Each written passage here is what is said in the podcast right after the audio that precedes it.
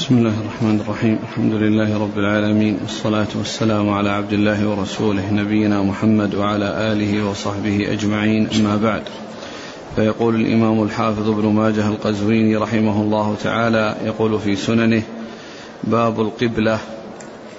قال حدثنا العباس بن عثمان الدمشقي قال حدثنا الوليد بن مسلم قال حدثنا مالك بن أنس عن جعفر بن محمد عن أبيه عن جابر بن عبد الله رضي الله عنهما أنه قال عن جابر رضي الله عنه أنه قال لما فرغ رسول الله صلى الله عليه وسلم من طواف البيت أتى مقام إبراهيم عليه السلام فقال عمر رضي الله عنه يا رسول الله هذا مقام أبينا إبراهيم الذي قال الله تعالى واتخذوا من مقام إبراهيم مصلى. قال الوليد فقلت لمالك أهكذا قرأ واتخذوا؟ قال نعم. بسم الله الرحمن الرحيم. الحمد لله رب العالمين وصلى الله وسلم وبارك على عبده ورسوله نبينا محمد وعلى آله وأصحابه أجمعين. يقول الإمام ماجه رحمه الله باب في القبلة. القبلة هي التي يستقبلها المصلون في صلاتهم. وكان عليه الصلاة والسلام لما فرضت عليه الصلاة وهو بمكة كان يصلي إلى بيت المقدس. ثم لما قدم المدينة صلى إلى بيت المقدس ستة عشر شهرا أو سبعة عشر شهرا. وكان يؤمل ويرجو أن يحول إلى القبلة التي هي الكعبة المشرفة فحول إليها عليه الصلاة والسلام ونزل القرآن في ذلك وأورد ابن ماجه رحمه الله عددا من الأحاديث في هذا منها حديث جابر بن عبد الله رضي الله تعالى عنه أن النبي عليه الصلاة والسلام لما طاف بالبيت ذهب إلى مقام إبراهيم وقال واتخذوا من مقام إبراهيم مصلى. وقرأ يعني هذه الآية. وفيه أن عمر رضي الله عنه قال هذا مقام إبراهيم.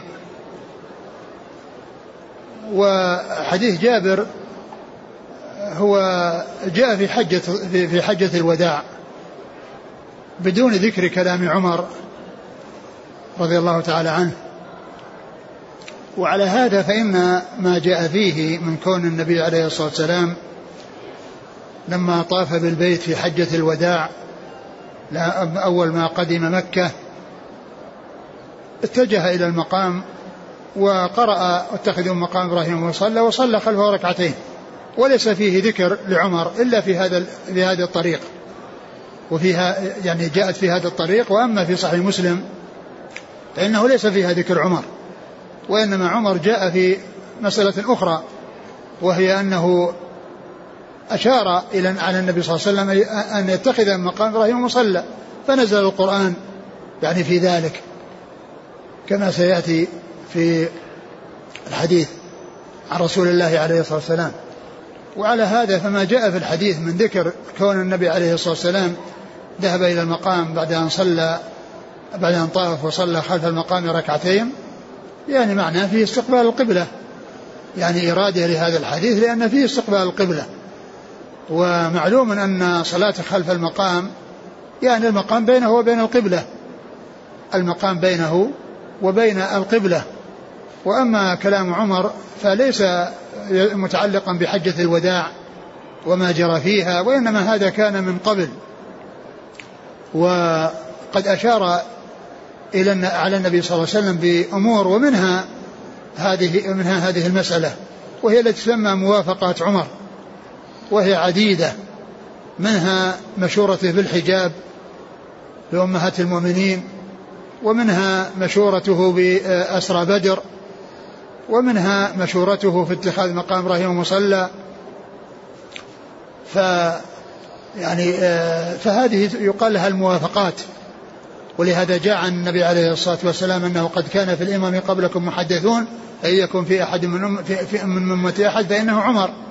وذلك أن الحق يجري على لسانه ويقول الشيء فيصير مطابقا للحق وموافقا للحق. ومن ذلك آه، مسألة الطاعون لما وقع في الشام. وذهب عمر رضي الله عنه إلى الشام واستقبله أبو عبيدة وأمر إلى جناد.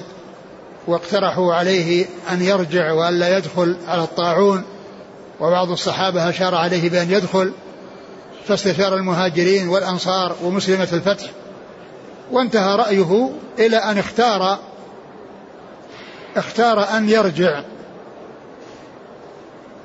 فكان عبد الرحمن بن عوف رضي الله عنه غائبا وكان معهم فجاء وعلم بالذي قد حصل من المشاورة والمحاورة فقال عندي فيها علم عن رسول الله صلى الله عليه وسلم. قال عليه الصلاة والسلام إذا وقع الطاعون وأنتم في بلد فلا تخرجوا فرارا منه وإذا وقع فلا تدخلوا عليه. فكان هذا الاجتهاد الذي حصل من عمر وهو أن يرجع وأن لا يدخل على الطاعون تبين أنه موافق لسنة الرسول صلى الله عليه وسلم كما جاء في حديث عبد الرحمن آه، بن عوف.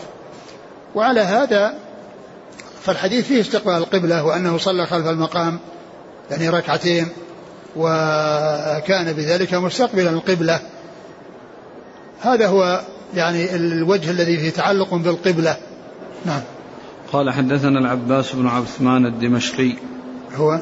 صدوق يخطئ أخرج له ابن ماجه. نعم. عن الوليد بن مسلم. وهو ثقة أخرج أصحاب الكتب. عن مالك بن أنس. إمام دار الهجرة المحدث الفقيه. أحد أصحاب المذاهب الأربعة المشهورة من مذاهب أهل السنة وحديثه أخرج أصحاب الكتب الستة. عن جعفر بن محمد. جعفر بن محمد بن علي بن حسين وهو صدوق أخرج حديثه البخاري في الأدب المفرد ومسلم وأصحاب السنن عن أبيه. أبيه محمد بن علي بن حسين وهو ثقة أخرج أصحاب الكتب. عن جابر, عن جابر بن عبد الله الأنصاري رضي الله تعالى عنهما وهو من أحد السبعة المكثرين من حديث رسول الله صلى الله عليه وسلم. وهذا الإسناد الذي هو يعني جعفر بن محمد عن أبيه عن عن, عن جابر هو الإسناد الذي في حديث جابر الطويل في الذي رواه مسلم في صحيحه مطولا. فإنه من هذا الطريق ومن هذا الإسناد. جعفر بن محمد يروي عن محمد عن أبيه محمد بن علي ومحمد بن علي يروي عن جابر بن عبد الله رضي الله تعالى عنهما. نعم. قال الوليد فقلت لمالك أهكذا قرأ واتخذوا؟ قال نعم. نعم هكذا قرأ واتخذوا من مقام إبراهيم مصلى نعم قال هكذا قرأ. نعم. قال حدثنا محمد بن الصباح قال أخبرنا هشيم عن حميد الطويل عن أنس بن مالك رضي الله عنه أنه قال قال عمر رضي الله عنه قلت يا رسول الله لو اتخذت من مقام إبراهيم مصلى فنزلت واتخذوا من مقام إبراهيم مصلى.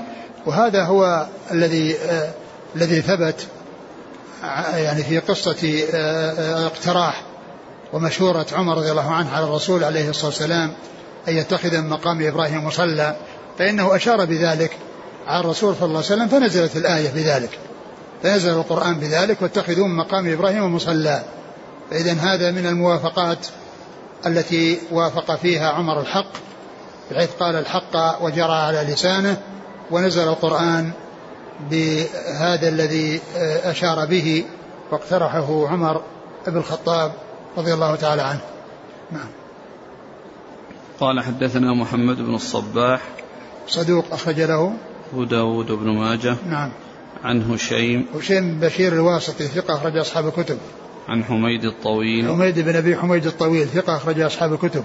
عن أنس بن مالك. عن أنس بن مالك رضي الله عنه خادم الرسول عليه الصلاة والسلام واحد السبعة المكثرين من حديثه وهذا الإسناد من الرباعيات التي هي من أعلى الأسانيد عند ابن ماجه. قال حدثنا علقمة بن عمرو الدارمي.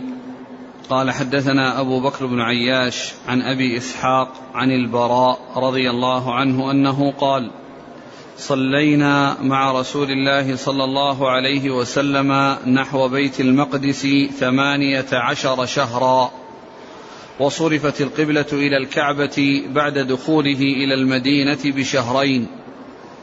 وكان رسول الله صلى الله عليه وسلم إذا صلى إلى بيت المقدس أكثر تقلب وجهه في السماء وعلم الله من قلب نبيه صلى الله عليه وسلم أنه يهوى الكعبة. فصعد جبريل فجعل رسول الله صلى الله عليه وسلم يتبعه بصره وهو يصعد بين السماء والأرض ينظر ما يأتيه به. فأنزل الله قد نرى تقلب وجهك في السماء الآية. فأتانا آت فقال إن القبلة قد صرفت إلى الكعبة وقد صلينا ركعتين إلى بيت المقدس ونحن ركوع فتحولنا فبنينا على ما مضى من صلاتنا. فقال رسول الله صلى الله عليه وسلم يا جبريل كيف حالنا في صلاتنا إلى بيت المقدس؟ فأنزل الله عز وجل وما كان الله ليضيع ايمانكم. ثم ذكر هذا الحديث الذي فيه أنهم آه، كانوا آه، صلوا مع النبي صلى الله عليه وسلم ثمانية عشر شهرا إلى بيت المقدس وأنه بعد الهجرة بشهرين آه، حول من استقبال بيت المقدس إلى استقبال الكعبة. يعني هذا الحديث يعني فيه فيه فيه نكارة في متنه نكارة. من جهة أن الأحاديث الصحيحة جاءت بأنه آه، صلى في المدينة بعد الهجرة يعني ستة عشر شهرا أو سبعة عشر شهرا. وهذا الحديث يقول أنه بعد الهجرة بشهرين. ومعنى ذلك أنه كان صلى في مكة يعني آآ آه، آآ آه، أن أن المدة التي كانت يعني قبل الشهرين أنها بمكة. مع أن الحديث الصحيحة جاءت بأن سبعة ستة عشر أو سبعة شهرا بعد الهجرة. فإذا ذكر الشهرين هذا فيه نكارة. والمحفوظ هو ستة عشر أو سبعة عشر. و وكان النبي عليه الصلاة والسلام يهوى أي يرغب ويحب ويؤمل أن يحول من بيت المقدس إلى القبلة بأن تكون قبلة المسلمين الكعبة. وكان آه، يرجو ويؤمل أن ينزل وحي بذلك. فنزل القرآن قد نرى تقلب وجهك في السماء فلنولينك قبلة ترضاها فولي وجهك شطر المسجد الحرام. ثم إنه آه، سئل أو جاء في في بعض الأحاديث أنه سئل عن حال الذين آه، ما صلوا إلى القبلة الثانية وإنما ماتوا قبل أن يعني تحول القبلة فنزلت وما كان الله ليضيع إيمانكم. يعني أن هذا والإيمان هو الصلاة. يعني لأنها كانت في وقت أتوا به على وجه مشروع والتحويل إنما كان بعدهم. فإذا هذا لا يؤثر على ما حصل منهم لأنهم قاموا بما وجب عليهم والتزموا بما شرع لهم من استقبال القبلة التي الأولى ولم آه ولم آه يبلغوا أو يصلوا إلى أن آه إلى الوقت الذي حولت فيه القبلة إلى الكعبة فنزلت الآية وما كان الله ليضيع إيمانكم. يعني أن صلاتهم التي كانت قبل ذلك وكانت قبل التحويل فإنها في محلها وقد أتوا بالمشروع وأتوا بما هو واجب عليهم والله تعالى يثيبهم على ذلك ولا يضيع ذلك عند الله عز وجل. ومن آه، أدرك ذلك فإنه يكون قد فعل آه، صلى إلى القبلة الأولى وصلى إلى القبلة الثانية. وهذا مما يعرف به تقدم الصحابي أو تقدم الصحبة بأن يقولوا صلى القبلتين يعني أنه كان موجودا قبل التحويل يعني موجودا قبل التحويل فصلى القبلتين لأنه قبل ذلك كان يصلي إلى بيت المقدس ثم كان يصلي إلى الكعبة المشرفة. وهذه من العلامات التي يعرف بها المتقدم من أصحاب الرسول عليه الصلاة والسلام وأنه يكون قد صلى القبلتين. اقرأ الحديث. قال البراء صلينا مع رسول الله صلى الله عليه وسلم نحو بيت المقدس ثمانية عشر شهرا وصرفت القبلة إلى الكعبة بعد دخوله إلى المدينة بشهرين. يعني هذه هذا اللفظ فيه نكارة. يعني لأن الذي ثبت أنه بعد أن هاجر إلى المدينة صلى ستة عشر أو سبعة عشر شهرا. فكونه حصل بعد دخوله المدينة بشهرين هذا يعني غير غير واضح. فإذا الذي ثبت أنه كل ذلك بالمدينة وأنه بعد دخوله المدينة آه، آه، صلى هذا المقدار أو في هذه المدة التي هي ستة عشر أو سبعة عشر شهرا. نعم. وكان رسول الله صلى الله عليه وسلم إذا صلى إلى بيت المقدس أكثر تقلب وجهه في السماء. وعلم الله من قلب نبيه صلى الله عليه وسلم أنه يهوى الكعبة. أنه يهوى الكعبة يعني يرغب ويحب أن يحول إلى الكعبة. فحقق الله له ذلك وأنزل عليه القرآن. فصعد جبريل فجعل رسول الله صلى الله عليه وسلم يتبعه بصره وهو يصعد بين السماء والأرض ينظر ما يأتيه به. نعم. فأنزل الله قد نرى تقلب وجهك في السماء الآية. ومعلوم أن التقلب أنه حصل يعني في ليس في وقت واحد وإنما في أوقات متعددة لأنه كان يؤمل يؤمل يعني هذا يحصل ذلك. نعم. فأتانا آت فقال إن القبلة قد صرفت إلى الكعبة وقد صلينا ركعتين إلى بيت المقدس ونحن ركوع فتحولنا. الرسول صلى الله عليه وسلم كان ينتظر وكالناس كانوا ينتظرون. أيضا لما يعلمون من, من, من, من رغبة الرسول صلى الله عليه وسلم وحرصه على أن يحول إلى الكعبة ولهذا هم كانوا في انتظار. ولما جاءت نزل القرآن بتحويل القبلة صلى الرسول صلى الله عليه وسلم إلى الكعبة. فالذي صلى مع الرسول صلى الله عليه وسلم خرج يعني إلى أهل قبى ووجدهم يصلون العصر وقد مضى من الصلاة ركعتان. فأخبرهم بأن الرسول صلى الله عليه وسلم حول إلى الكعبة فاستداروا. فكانت ركعتان إلى البيت المقدس والركعتان الأخيرتان إلى جهة الكعبة. يعني كل استداروا في وهم في أماكنهم ودخل الإمام يعني من بينهم حتى تقدم فكما فكان متجها إلى الشام ثم بعد ذلك تقدم ودخل من بين الصفوف وصار متجها إلى القبلة وأكمل بهم الركعتين وهذا يبين أنهم كانوا في انتظار وأنهم كانوا يؤملون يعني هذا الشيء. ولهذا بمجرد ما جاءهم الخبر وبمجرد ما بلغ بلغهم وهم في الصلاة تحولوا. فكانت صلاتهم إلى أولها إلى إلى إلى بيت المقدس وآخرها إلى الكعبة المشرفة. وهذا فيه الدليل على الأخذ بخبر الواحد. وهذا فيه الأخذ بخبر الواحد. ومن المعلوم أن خبر الواحد حجة. يعني في العقائد والأحكام. والنبي صلى الله عليه وسلم كان يرسل الرجل الواحد ليدعو الناس إلى التوحيد ويدعوهم إلى عبادة الله عز وجل وتقوم الحجة عليهم بشخص واحد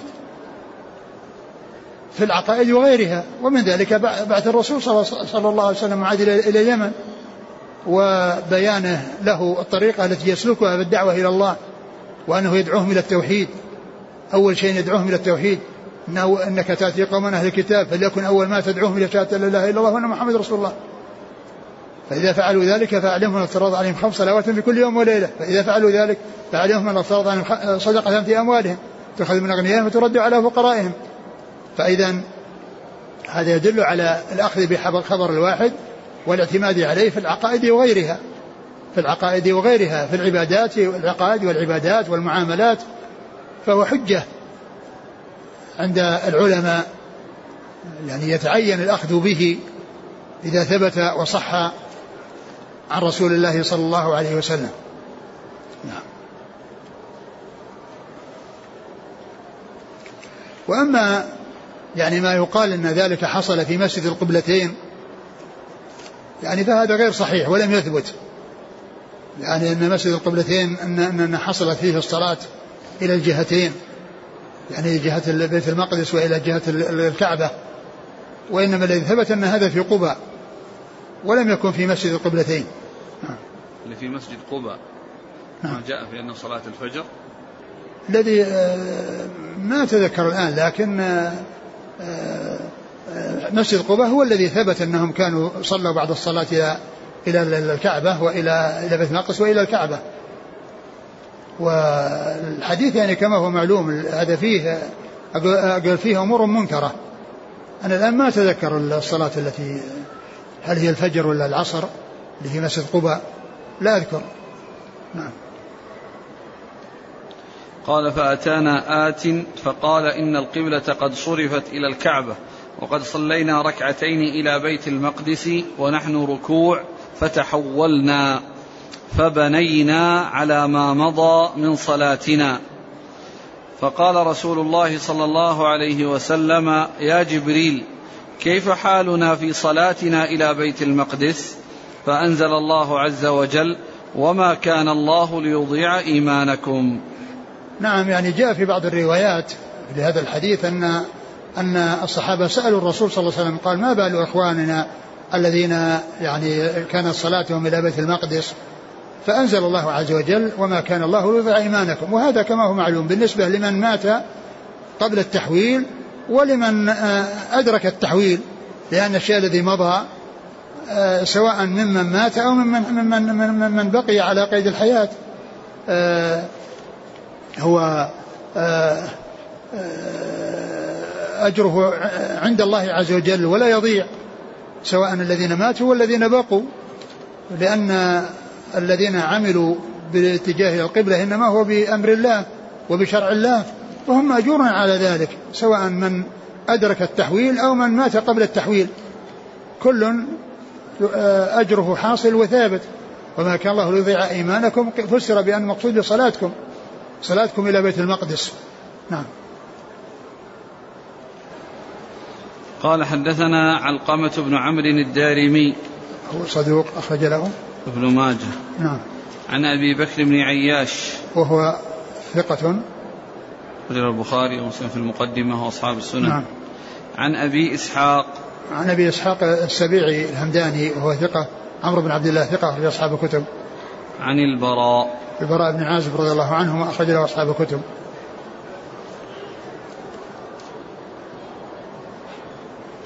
يقول نسمع أن النبي صلى الله عليه وسلم من أسباب محبته لتحويله إلى القبلة إلى الكعبة مخالفة اليهود وأنهم كانوا يقولون إنه يصلي إلى قبلتهم فهل هذا صحيح؟ ما أدري يعني عن قضية يعني هذا ولكنه كان يحب أن الذي ثبت والذي جاء أنه كان يحب أن يحول وأما التعليل بهذا ما, لا ما, ما أدري. لا أدري هل هل هو صحيح أن هذا قد حصل. لا أدري. قال حدثنا محمد بن يحيى الأزدي قال حدثنا هاشم بن القاسم حاء قال وحدثنا محمد بن يحيى النيسابوري قال حدثنا عاصم بن علي قال حدثنا أبو معشر عن محمد بن عمرو عن أبي سلمة عن أبي هريرة رضي الله عنه أنه قال قال رسول الله صلى الله عليه وعلى آله وسلم ما بين المشرق والمغرب قبلة. ثم أورد هذا الحديث أن النبي عليه الصلاة والسلام قال ما بين المشرق والمغرب قبلة. يعني يعني هذا بالنسبة لمن يكون في المدينة من جهة شمال الكعبة. وكذلك من يكون في جنوبها فإن فإن ما بين المشرق والمغرب قبلة. يعني و وهذا إنما يكون في ال يعني في في الفلات. إذا كان الإنسان اجتهد ولم يعرف تحديد جهة القبلة بالضبط فإن ما بين المشرق والمغرب قبلة. يعني وإن لم يكن يعني مطابقا يعني لكونه على سمت الكعبة يجتهدون وما بين المشرق والمغرب قبلة وأما بالنسبة للحضر فلا بد من معرفة القبلة ومعرفة اتجاه القبلة. وسؤال من يكون عنده سؤال عن أهل البلد الذين عندهم علم, باتجاه القبلة ومعرفة القبلة. والحاصل أنه إذا حصل يعني في آه، اشتباه يعني في أمر القبلة وأن حصل يعني ميل يسير أو حصل عدم مطابقة وحصل ميل يسير فإن ذلك لا يؤثر لأن النبي صلى الله عليه وسلم قال ما بين المشرق والمغرب قبلة. ولكن الاجتهاد إنما يكون في البر وإنما في البلد ليس فيه اجتهاد بل لابد من آه، الرجوع إلى أهل البلد وسؤالهم ومعرفة اتجاه القبلة والصلاة إليها. أما إذا اشتبه الأمر كأن يكون الإنسان في فلات سواء في البر أو البحر وإنما يستدل بالنجوم وقد يكون يعني حصل فيه ميل وانحراف. فالرسول صلى الله عليه وسلم بين أن ما بين المشرق والمغرب قبلة وهذا بالنسبة لمن يكون شمال الكعبة وجنوبها. وأما من يكون غربها وشمالها يكون ما بين الجنوب والشمال قبلة بالنسبة له. من كان شرق القبلة وغربها فالذي يطابق في حقه ما بين الشمال والجنوب. وأما من كان شمالها وجنوبها فالذي يطابق حاله ما بين المشرق والمغرب. قال حدثنا محمد بن يحيى الأزدي. هو؟ ثقة أخرجه أبو داود في القدر والترمذي وابن ماجه. نعم. عن هاشم بن القاسم. وهو ثقة أخرج أصحاب الكتب. ها قال وحدثنا محمد بن يحيى النيسابوري. وهو الذهلي وهو ثقة أخرجه البخاري وأصحاب السنن. عن عاصم بن علي. هو صدوق ربما وهم أخرج نعم. البخاري والترمذي وابن ماجه. نعم. عن أبي معشر. وهو نجيح وهو نجيح بن عبد الرحمن ضعيف. نعم. أخرج له أصحاب السنن. نعم. عن محمد بن عمرو. بن علقمة بن وقاص الليثي صدوق أخرج أصحاب الكتب. عن أبي سلمة. أبو سلمة بن عبد الرحمن بن عوف ثقة أخرج أصحاب الكتب. عن أبي هريرة. أبو هريرة رضي الله عنه عبد الرحمن بن صخر الدوسي أكثر الصحابة حديثا. والحديث في إسناده رجل ضعيف. ولكن له شواهد. نعم. من صلى منحرفا عن القبلة ثم تبين له ذلك فعاد إلى القبلة الصحيحة. هل يعيد الصلاة أم يعتدل ويبني على ما مضى؟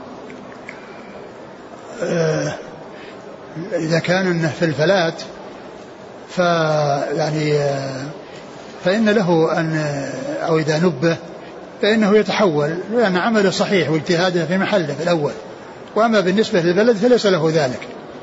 فإذا كان أنه يصلي إلى يعني انحرافا إذا كان أنه انحرافا كبير أما إذا كان شيئا يسيرا فإنه لا يؤثر. وأما إذا كان كبيرا أو أنه إلى جهة معاكسة أو جهة اليمين أو الشمال فإن وهو في البلد فإن عليه أن يستأنف الصلاة. وأما بالنسبة للبر والاجتهاد في البر فإنه يبني على ما قد حصل وعمله صحيح لأن اجتهاده صحيح لأنه لو فرغ وكان اتجاهه إلى غير القبلة فصلاته صحيحة. وأما من كان في البلد فسواء كان في أثنائها أو في أولها إذا كان لم يكن مستقبل القبلة فإنه يأتي يستأنف الصلاة من جديد سواء كان في فرغ منها أو كان في أثنائها لأن الاجتهاد يعني في غير محله حيث يكون الإنسان في البلد. نعم. يقول هل المطلوب استقبال عين القبلة أو جهة القبلة؟ معلوم جهة القبلة يعني عين القبلة ما أحد يستطيع يستقبلها إلا من كان بمكة ومن كان عندها. هذا هو الذي يستطيع أن يصيب عينها لأنه أمامه. أما من كان يعني بعيدا عنها فما عنده إلا الجهة. هل كانت القبلة أولا إلى الكعبة ثم إلى بيت المقدس ثم عادت إلى الكعبة؟ ما ما ما في شيء يدل على هذا وإنما كانت القبلة إلى بيت المقدس ثم حولت إلى الكعبة. وكيف تكون أولا إلى الكعبة ثم تحول إلى بيت المقدس؟ كيف كيف يكون أنها كانت إلى الكعبة ثم حولت إلى بيت المقدس؟ ما نعلم شيء يدل على هذا وإنما آه مثل ما جاء أنه كان الرسول صلى الله عليه وسلم يصلي 18 16 17 بعد الهجرة وكان آه، يرغب ويأمل ويهوى أن يحول إلى الكعبة فحول إليها.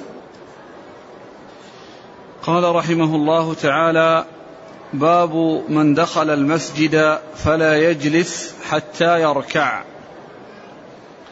قال حدثنا إبراهيم بن المنذر الحزامي ويعقوب بن حميد بن كاسب قال حدثنا ابن أبي فديك عن كثير بن زيد عن المطلب بن عبد الله عن أبي هريرة رضي الله عنه أن رسول الله صلى الله عليه وعلى آله وسلم قال إذا دخل أحدكم المسجد فلا يجلس حتى يركع ركعتين نعم.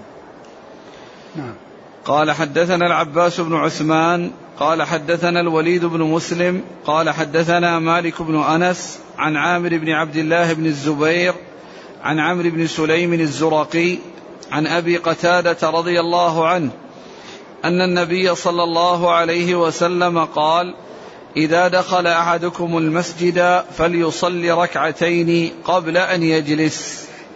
ثم ذكر آه، باب من دخل المسجد فلا يجلس حتى يركع. باب من دخل المسجد فلا يجلس حتى يركع. يعني يصلي تحية المسجد بأن يركع ركعتين.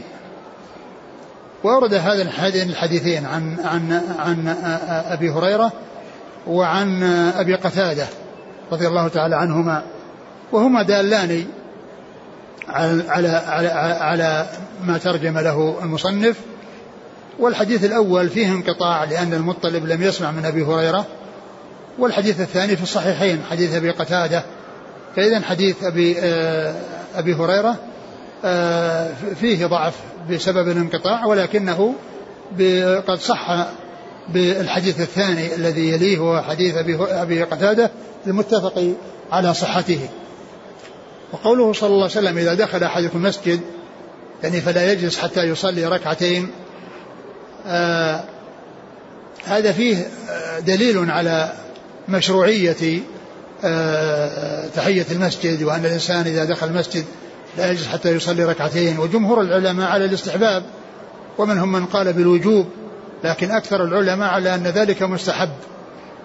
و وفيه دليل على أن أن أنه لا يصلى أقل من ركعة واحد أقل من ركعتين.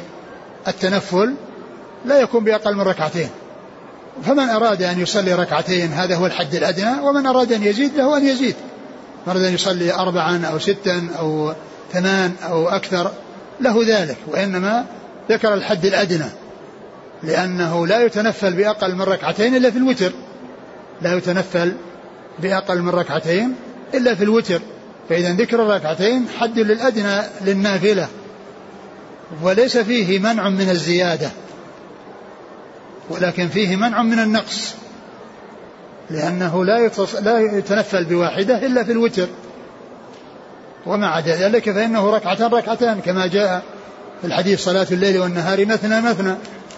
صلاة الليل والنهار مثنى مثنى أي التنفل في الليل والنهار يكون اثنتين اثنتين. هكذا جاءت السنة عن رسول الله صلى الله عليه وسلم. ثم إن آه، إذا كان الدخول في أوقات النهي مثلا بعد من بعد العصر إلى الغروب ومن بعد الفجر إلى طلوع الشمس ففي ذلك خلاف بين أهل العلم.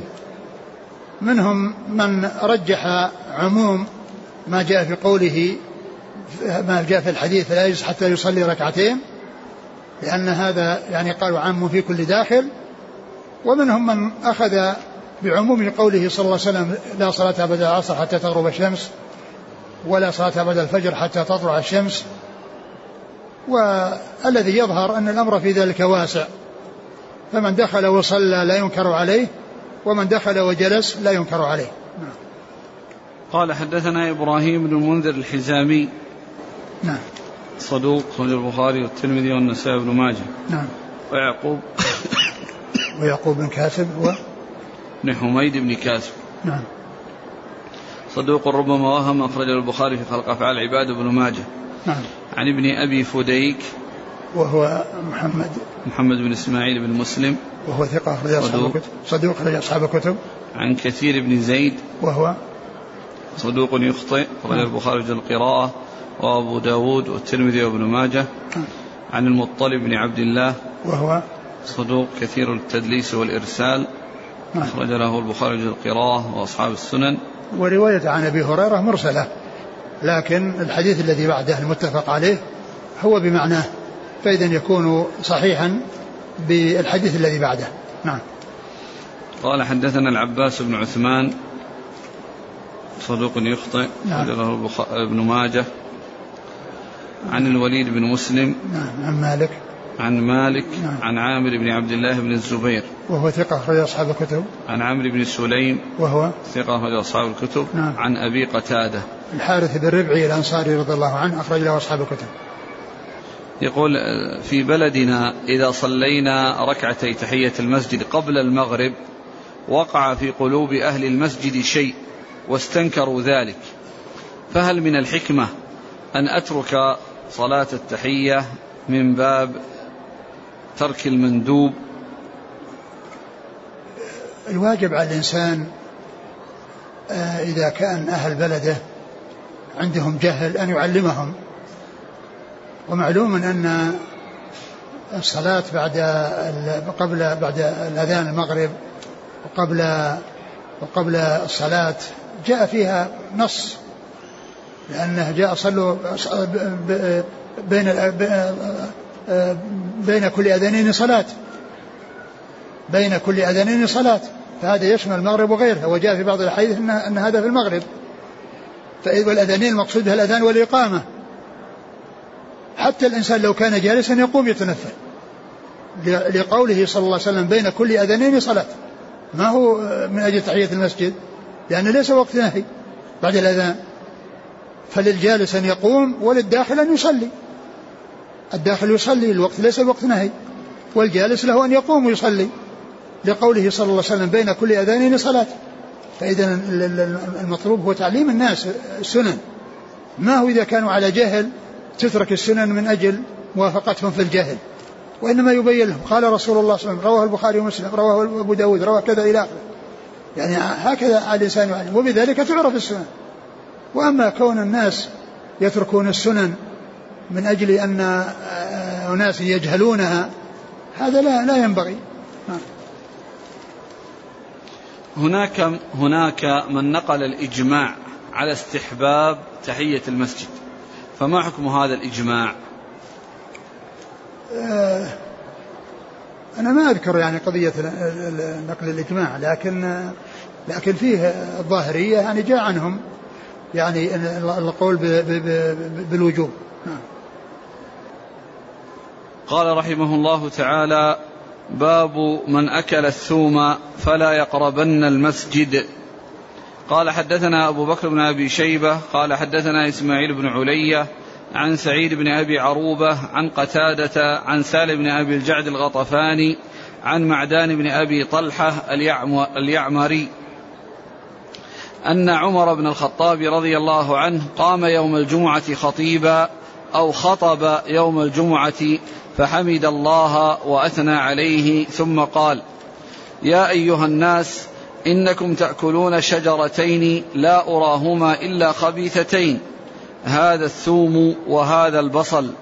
ولقد كنت أرى الرجل على عهد رسول الله صلى الله عليه وسلم يوجد ريحه منه فيأخذه بيده حتى يخرج إلى البقيع.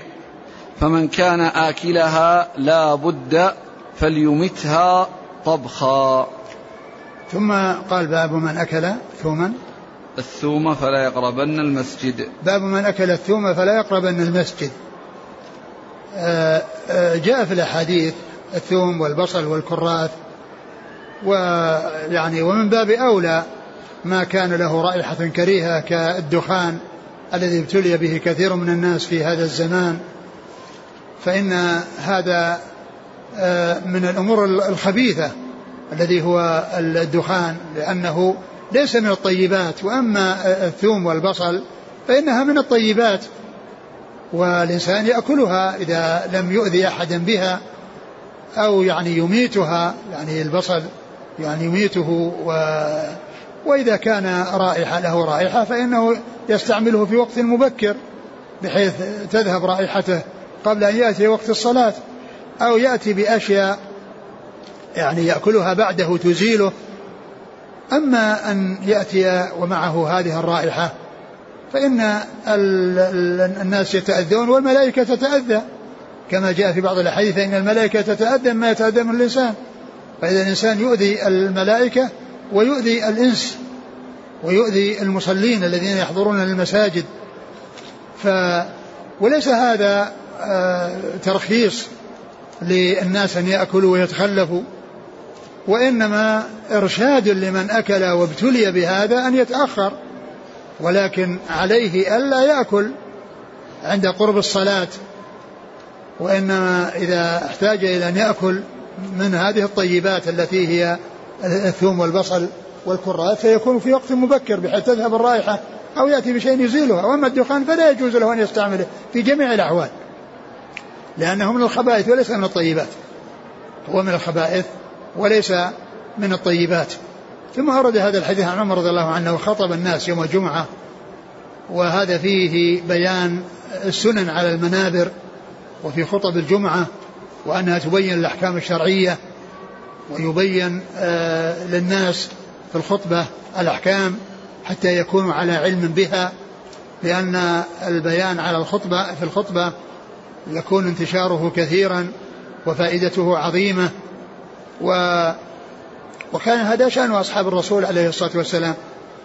وقبل ذلك رسول الله عليه الصلاة والسلام هو أسوتهم وقدوتهم. فالصحابة كانوا يعلمون الأحكام الشرعية وهم على المنابر ليستفيد الناس. ولهذا جاء في الحديث الصحيح أن عمر رضي الله عنه كان يعلم الناس التشهد وهو على المنبر. يخطب الناس ويعلمهم التشهد التحيات لله والصلوات والطيبات. فيعلمهم أحكام الصلاة وكذلك آه، ما يتعلق بمعاملة الناس والبعد عن إيذاء الناس. يعني كما جاء في هذا الحديث الذي فيه آه، آه، التنبيه على أن من أكل الثوم والبصل فإنه لا يقرب المساجد. وأخبر بأنهم كانوا في عهد النبي صلى الله عليه وسلم أن الواحد يخرج منه من المسجد يعني معناه أنه إذا دخله وفيه رائحة الكريهة أنه يخرج. فهذا يدلنا على أن الإنسان عليه أن يبتعد عن أي شيء عن أي شيء يؤذي الناس. يعني سواء من الطيبات التي رائحتها كريهة في بعض أحوالها أو من من باب أولى ما كان من الخبائث التي هي الدخان. أقرأ الحديث مرة ثانية. أن عمر بن الخطاب قام يوم الجمعة خطيبا أو خطب يوم الجمعة فحمد الله وأثنى عليه ثم قال يا أيها الناس إنكم تأكلون شجرتين لا أراهما إلا خبيثتين. يعني المقصود بالخبث هنا يعني ليس التحريم وإنما يعني ال ال ال ال ال ال الشيء الذي فيه يعني آه، آه، نقص وفيه يعني ضرر. أو فيه يعني آه، ضرر مؤقت مثل مثل الثوم والبصل فإن ضرره مؤقت. يعني في عندما يحضر الناس وإلا لو أكله في بيته له أن يأكله لكن يكون في وقت مبكر. وإذا الخبث هذا ليس الخبث المحرم. يعني هذا من جنس كسب الحجام لما قال كسب الحجام خبيث يعني إنه ردي. يعني ليس من الأمور المحرمة. فإن الحجامة سائغة ومشروعة. ولكن مهنة رديئة لا يرغب فيها ولا يحث عليها. نعم. لا أراهما إلا خبيثتين هذا الثوم وهذا البصل. ولقد كنت أرى الرجل على عهد رسول الله صلى الله عليه وسلم يوجد ريحه منه فيؤخذ بيده حتى حتى يخرج إلى البقيع. فمن كان آكلها لا بد فليمتها طبخا. فمن كان آكلها فليمتها طبخا يعني آه، إذا طبخت آه، في الغالب تذهب رائحتها لا سيما البصل. وهذا بخلاف الثوم فإن الثوم يعني يعني نيئا ومطبوخا يعني آه، ما تسلم من رائحته. نعم. قال حدثنا أبو بكر بن أبي شيبة. ثقة أخرج أصحاب الكتب إلا الترمذي. عن إسماعيل بن علية. ثقة أخرج أصحاب الكتب. عن سعيد بن أبي عروبة ثقة أخرج أصحاب الكتب. عن قتادة ثقة أخرج أصحاب الكتب. عن سالم بن أبي الجعد وهو؟ ثقة أخرج أصحاب الكتب. نعم. عن معدان بن أبي طلحة اليعمري وهو؟ ثقة أخرج له مسلم وأصحاب السنن. نعم. عن عمر. عمر بن الخطاب رضي الله عنه أمير المؤمنين وثاني الخلفاء الراشدين الهاديين المهديين صاحب المناقب الجمة والفضائل الكثيرة وحديثه عند أصحاب الكتب الستة.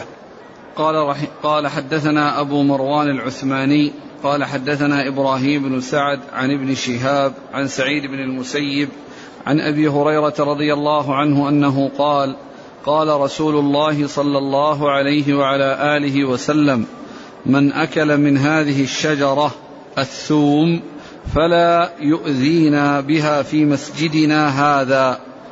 قال إبراهيم وكان أبي يزيد فيه الكراث والبصل عن النبي صلى الله عليه وسلم يعني أنه يزيد على حديث أبي هريرة في الثوم. ثم ذكر يعني هذا الحديث عن أبي هريرة رضي الله عنه أن النبي صلى الله عليه وسلم قال من أكل من هذه الشجرة فلا يؤذينا في مسجدنا هذا. وهذا يتعلق بمسجد الرسول صلى الله عليه وسلم لكنه ليس الأمر خاصا به لأن الحكمة هي كما جاء في بعض الأحاديث يعني الإيذاء. يعني وهنا والإيذاء ليس خاصا بهذا المسجد بل المساجد الأخرى كذلك. و فإذا ما جاء في بعض الأحاديث من ذكر العموم هو الذي يعول عليه. وما جاء في هذا الحديث يعني من ذكر المسجد لا يعني الخصوص وإنما هو من قبيل افراد بعض أفراد العام بحكم العام فهو لا يخصص العام. يعني الحديث الأحاديث العامة جاءت مطلقة وجاء الحديث بعض الأحاديث مقيدا بهذا المسجد فاذا لا يقصر الحكم حكم العام على الخاص. وإنما يكون الخاص ذكر مرتين مرة في تخصيصه والتنصيص عليه بمفرده ومرة في اندراجه تحت اللفظ العام. وهذه من القواعد. المعروفة أن أن إفراد بعض أفراد العام بحكم العام لا يخصص العام. لا يخصص العام بل يبقى العموم على على على حاله وأن هذا لجميع المساجد والعلة تقتضي ذلك لأنه جاء في بعض الروايات فإن الملائكة تتأذى ما يتأذى الإنسان. يعني معناه أن هذا النهي لدفع الأذى عن الناس وعن الملائكة. لدفع الأذى عن الناس وعن الملائكة وهذا يكون لجميع المساجد وليس خاصا في مسجده صلى الله عليه وسلم. نعم. قال إبراهيم وكان أبي يزيد الكراث والبصل. لأن يعني جاء في بعض الأحاديث ذكر الثوم والبصل والكراث. وكلها لها رائحة كريهة وكلها تعامل هذه المعاملة. قال حدثنا أبو مروان العثماني. هو محمد بن عثمان صدوق يخطئ وجله النسائي في الخصائص وابن ماجه. نعم. عن إبراهيم بن سعد. ثقة رجل أصحاب الكتب. عن ابن شهاب. محمد بن مسلم بن عبد الله بن شهاب الزهري ثقة أخرج أصحاب الكتب. عن سعيد بن المسيب. وهو ثقة فقيه أحد فقهاء المدينة السبعة في عصر التابعين أخرج له أصحاب الكتب. عن أبي هريرة. نعم. قال إبراهيم وكان أبي. أبوه يعني آه، في غير هذا الإسناد. يعني في غير هذا لأن الإسناد هنا عن ابن شهاب. نعم لأن إبراهيم بن سعد يروي عن أبيه. نعم قال حدثنا محمد بن الصباح قال حدثنا عبد الله بن رجاء المكي عن عبيد الله بن عمر عن نافع عن ابن عمر رضي الله عنهما أنه قال قال رسول الله صلى الله عليه وسلم من أكل من هذه الشجرة شيئا فلا يأتين المسجد. ثم ذكر هذا الحديث عن ابن عمر. من أكل من هذه الشجرة شيئا فلا يأتين المسجد. وهنا المسجد آه، لفظ مفرد محلا بالألف واللام فيراد به العموم. فيراد به العموم. ولا يراد به خصوص مسجد معين. نعم. قال حدثنا محمد بن الصباح عن عبد الله بن رجاء. هو؟ ثقة أخرج له البخاري للقراءة ومسلم وأبو داود والنسائي بن ماجه. آه. عن عبيد الله بن عمر. هو العمري المصغر ثقة أخرج أصحاب الكتب. عن نافع عن نافع مولى بن عمر ثقة أخرج أصحاب الكتب. عبد الله بن عمر رضي الله عنهما أحد العباد الأربعة من الصحابة وأحد السبع المكثرين من حديث الرسول صلى الله عليه وسلم.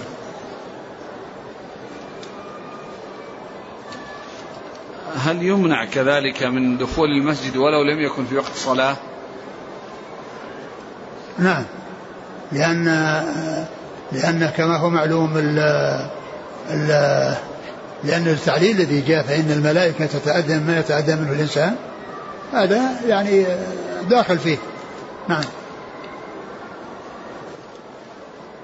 ما التوجيه إذا لمن يشرب الدخان ويأتي إلى المسجد برائحته؟ التوجيه له أن يترك الدخان أصلا. يعني بحيث آه، يحافظ على صحته وعلى ماله وعلى عدم الإضرار بغيره. لأن الدخان له مفاسد متعددة. لأنه أولا هو من الخبائث. والله تعالى ذكر من صفات النبي عليه الصلاة والسلام أنه يحل الطيبات ويحرم الخبائث. وهذا ليس من الطيبات وإنما هو من الخبائث. هو من الخبائث وليس من الطيبات. ثم أيضا فيه قتل للنفس وإهلاك لها. وليس للإنسان أن يقتل نفسه ولا أن يسعى في إتلافها وإهلاكها وجلب الأمراض إليها. والله تعالى يقول ولا تقتلوا أنفسكم. وكذلك أيضا المحافظة على ماله بحيث لا يضيعه في أمر يعود عليه بالمضرة. والنبي صلى الله عليه وسلم جاء عنه النهي عن عن عن عن إضاعة المال. ما يكره لكم قيل وقال وكثرة السؤال وإضاعة المال. ثم لو كان الأمر فيه إضاعة مال فقط تكون مصيبة واحدة لكنها إضاعة مال في قتل النفس. وإهلاك النفس. فمن الناس من يضيع ماله ولكن صحته يعني ما جاءها شيء. ومنهم من يضيع ماله في إتلاف صحته وفي إمراض نفسه وجلب الأمراض إلى نفسه وقد يؤدي به ذلك إلى إتلاف نفسه وإهلاكها وأن يموت بسبب ذلك. بسبب يعني ما ترتب على فعله من استعمال الدخان. فالإنسان ما نقول إن, إن, أن الأمر يتعلق بالصلاة فقط بل نقول إن الأمر يتعلق به مطلقا في جميع أحواله. الواجب عليه أن يترك ما حرم الله وأن يستعمل ما أحل الله. ولكنه إذا ابتلي يعني بذلك فإنه لا يجمع بين مصيبتين يعني يجمع المصائب كلها بحيث أنه آه، يضيع المال ويهلك نفسه ويؤذي الناس. يعمل على عدم إيذاء الناس ولا سيما في المساجد. وعدم إيذاء الملائكة أيضا مع الناس. فإذا كان مبتلا فإن عليه أن آه، لا يستعمل الدخان في آه، وقت أو قرب وقت الصلاة. بل وكما قلت أعود فأكرر الواجب وتركه مطلقا. ولا يشرب الإنسان منه شيئا أبدا. ويتوب إلى الله عز وجل مما حصل. ويندم على ما فات. ويعقد العزم على أن لا يعود إليه في المستقبل. هكذا الواجب على الإنسان.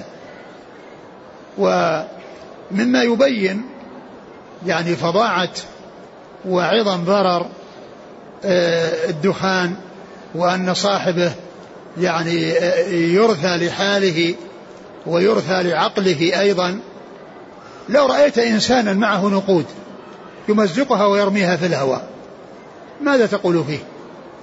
يعني يعني ترى أنه فعل أمرا خطيرا وأمرا عظيما لكن هذا أحسن حال ممن يشتري الدخان ويشربه يضيع الفلوس في الدخان. لأن ذاك ضاعت فلوسه وصحته ما ما جاها شيء. وأما هذا ضاعت نقوده في إتلاف نفسه. نعم. قال رحمه الله تعالى ولهذا فإني أرجو ممن حضر هذا المجلس أو ممن يسمع هذا الدرس أن يبادر إلى التخلص منه. وأن يتلف ما بحوزته ويعقد العزم على ويندم على ما مضى ويعقد العزم على أن لا يعود ويقرع عن ذلك. وفي ذلك الخير له والبركة في دينه ودنياه. نعم.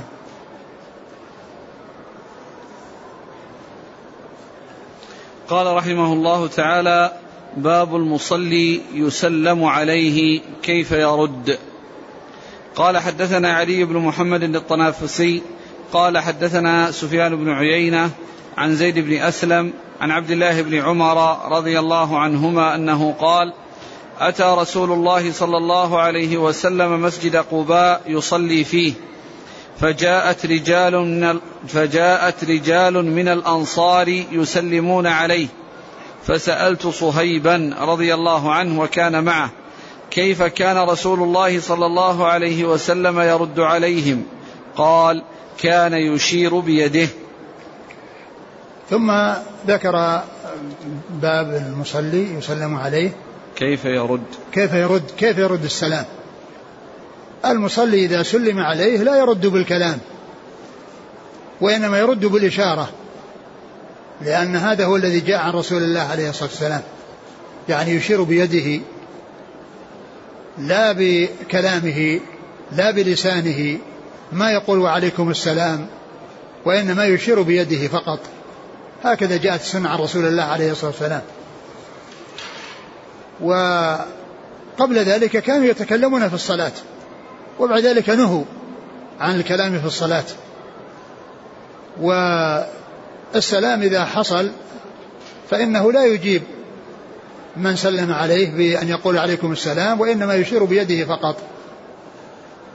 ومعلوم أن رد السلام بالإشارة إنما يكون بالصلاة في حال الصلاة أو يكون في حال من لا ينطق يعني بحيث يعني يعني يشعر بأنه يرد السلام. وأما في من من من أعطاه الله نعمة النطق والكلام فإنه يرد بالسلام فيقول وعليكم السلام. يرد على من سلم عليه وفي الصلاة بالإشارة. والترجمة معقودة لإجابة المصلي إذا سلم عليه وأنه يرد بالإشارة. ثم أورد هذا الحديث عن صهيب رضي الله عنه يرويه عبد الله بن عمر صحابي يروي عن صحابي أن أن أنه سأل صهيبا وكان مع النبي صلى الله عليه وسلم لما كان الناس يأتون إليه في المسجد وهو يصلي فيسلمون عليه قال صهيب كان يرد بالإشارة فدل هذا على أن المصلي إنما يكون رده بالإشارة.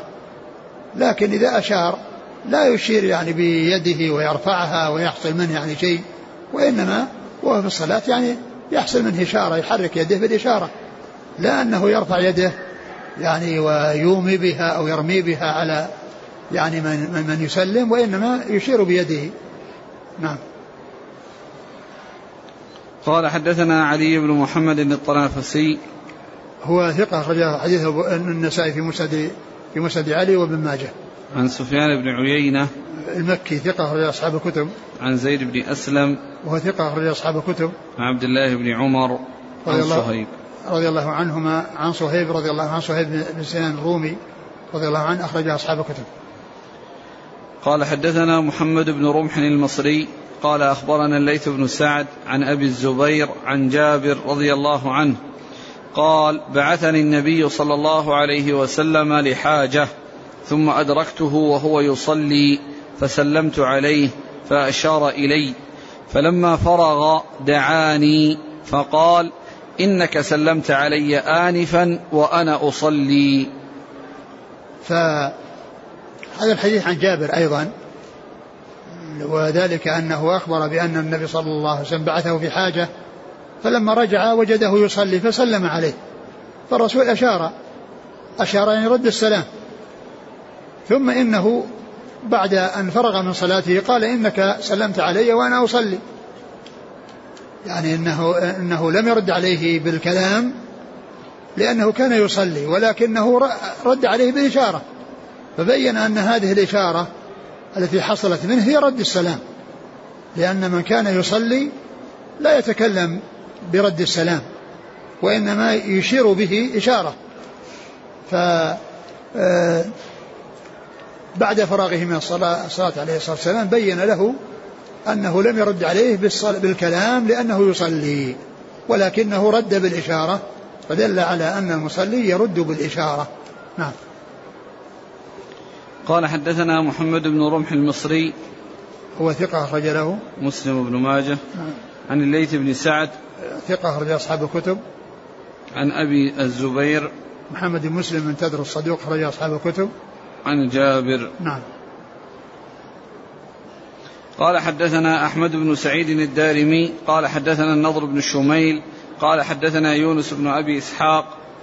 عن أبي إسحاق عن أبي الأحوص عن عبد الله رضي الله عنه أنه قال كنا نسلم في الصلاة فقيل لنا إن في الصلاة لشغلا. قال حدثنا أحمد بن سعيد الدارمي. قال حدثنا النضر بن شميل. قال حدثنا يونس بن أبي إسحاق. عن أبي إسحاق عن أبي الأحوص عن عبد الله رضي الله عنه أنه قال كنا نسلم في الصلاة فقيل لنا إن في الصلاة لشغلا. ثم أورد حديث مسعود رضي الله تعالى عنه. قال كنا نسلم في الصلاة. حديث عبد الله بن مسعود رضي الله تعالى عنه. هذا فيه أنهم كانوا يسلمون في الصلاة. يعني كانوا يردون السلام في الصلاة. إذا سلم عليهم يقول عليكم السلام. وكانوا يتكلمون في الصلاة. فبعد ذلك نهوا عن الكلام ويعني وأمروا بإقبال على صلاتهم. ولهذا جاء في الحديث قال إن في الصلاة لشغلا. يعني لأن المصلي ما يشغل لسانه برد السلام لأنه مشغول بالقراءة وبذكر الله وبالدعاء فلا يخاطب غيره ولا يتكلم مع غيره لا لا ابتداء ولا ردا فلا يتكلم لا مبتدئا ولا رادا. ف آه، وقد آه، والحديث ذكر أبو سير إنه من الزوائد وهو ليس من الزوائد بل هو في الصحيحين. وفيه أنهم يقول عبد الله بن مسعود كنا قبل أن نذهب إلى الحبشة نسلم على الرسول صلى الله عليه وسلم فيرد علينا السلام. فلما قدمنا كنا نسلم عليه ولا يرد علينا فقلنا له إنك كنا إذا سلمنا رددت علينا. فقال عليه والسلام إن في الصلاة لشغلا إن في الصلاة لشغلا و ولم يتعرض في الحديث هنا للإشارة أو الرد بالإشارة وإنما فيه آه يعني عدم الرد بالكلام وإنما فيه الرد بعدم الكلام الرد بالكلام هذا هو الذي آه الذي فيه. فلا فلا ينفي أو ليس فيه نفي الإشارة لأن الإشارة جاءت في غيره من الأحاديث. بل ذكر الحافظ بن حجر في شرح الحديث في البخاري قال فائدة ثم ذكر أنه جاء من مرسل آه، ابن آه، ابن سيرين أنه رد بالإشارة أو كان يرد بالإشارة يعني في حديث ابن عمر حديث ابن مسعود. وأما في حديث جابر وحديث أبي هريرة المتقدمين فقد آه، بين فيهما أن الرد إنما كان حديث آه، صهيب آه، أن الرد كان بالإشارة. لكن هذا القول إن في الصلاة لشغلة هل يستفاد منه؟ أن الأولى ترك إلقاء السلام حتى لا يشغل المصلي؟ هو لا شك أنه إذا كان الصلاة رفع الصوت وأنه يشوش على الناس يعني أنه لا شك أنه هو الأولى لأنه لا سيما رفع الصوت بالسلام والتشويش على الناس لا شك أنه لا شك أنه الأولى لكن لا يقال أنه ممنوع لأنه جاء ما يدل عليه. جاء ما يدل عليه. وإن كان الأولى لا شك أن الشيء الذي في تشويش على الناس أن أن الأولى خلافه لكن لا يمنع لأنه جاءت به السنة عن رسول الله صلى الله عليه وسلم. ثم أيضا الحديث هنا إنما جاء في آه، ما يتعلق بالمصلي هو الذي آه، فيه ذكر انشغاله بصلاته عن رد السلام بالكلام وليس فيه آه تعرض للإشارة وإنما كما قلت جاء الرد بالإشارة في الأحاديث الأخرى وجاء أيضا كما قال الحافظ بن حجر من مرسل ابن سيرين يعني في هذا الحديث. قال حدثنا أحمد بن سعيد الدارمي هو؟ ثقة أخرج أصحاب الكتب إلا النسائي عن النضر بن شميل ثقة أخرج أصحاب الكتب. عن يونس بن أبي إسحاق. وهو صدوق يهم قليلا. نعم. البخاري القراءة ومسلم وأصحاب السنن. نعم. عن أبي إسحاق. عمرو بن عبد الله الهمداني ثقة أخرج أصحاب الكتب. عن أبي الأحوص. وهو عوف بن مالك بن نضلة ثقة أخرج البخاري المفرد ومسلم وأصحاب السنن. نعم. عن عبد الله. عبد الله بن مسعود رضي الله عنه الهذلي أخرج حديثه أصحاب الكتب الستة. قال رحمه الله تعالى باب من صلى لغير القبلة وهو لا يعلم. قال حدثنا يحيى بن حكيم قال حدثنا أبو داود قال حدثنا أشعث بن سعيد أبو الربيع السمان عن عاص بن عبيد الله عن عبد الله بن عامر بن ربيعة عن أبيه رضي الله عنه أنه قال كنا مع رسول الله صلى الله عليه وسلم في سفر فتغيمت السماء وأشكلت علينا القبلة فصلينا وأعلمنا. فلما طلعت الشمس إذا نحن قد صلينا لغير القبلة فذكرنا ذلك للنبي صلى الله عليه وسلم فأنزل الله فأينما تولوا فثم وجه الله. أعد قال حدثنا يحيى بن حكيم قال حدثنا أبو داود قال حدثنا أشعث بن سعيد أبو الربيع السمان عن عاص بن عبيد الله عن عبد الله بن عامر بن ربيعة عن أبيه رضي الله عنه أنه قال كنا مع رسول الله صلى الله عليه وسلم في سفر فتغيمت السماء وأشكلت علينا القبلة فصلينا وأعلمنا. فلما طلعت الشمس إذا نحن قد صلينا لغير القبلة فذكرنا ذلك للنبي صلى الله عليه وسلم فأنزل الله فأينما تولوا فثم وجه الله. ثم ذكر هذه الترجمة باب من صلى. لغير القبلة وهو لا يعلم. من صلى لغير القبلة وهو لا يعلم. يعني أنه صلى إلى غير القبلة جاهلا القبلة فكانت صلاته إلى غيرها. ثم أورد هذا الحديث أنه أنهم كانوا مع النبي صلى الله عليه وسلم في سفر فأنا تغيمت السماء فلم يعرفوا آه، جهة القبلة فاجتهدوا وصلوا. ولكنهم أعلموا المكان الذي صلوا فيه يعني وضعوا علامة تدل على اتجاههم الذي اتجهوا إليه. فلما طلعت الشمس ذهب الغيم وإذا هم إلى غير القبلة. فنزل قول الله عز وجل ولله المشرق والمغرب فإنما تولوا فثم وجه الله. فدل ذلك فدل ذلك على آه، أن من اجتهد في وهو في سفر وأخطأ القبلة فإن صلاته صحيحة. ولو كان تبين أنه إلى غير القبلة ولكن هذا بخلاف الحضر. ليس للإنسان أن يجتهد في البلد وإنما عليه أن يسأل الناس.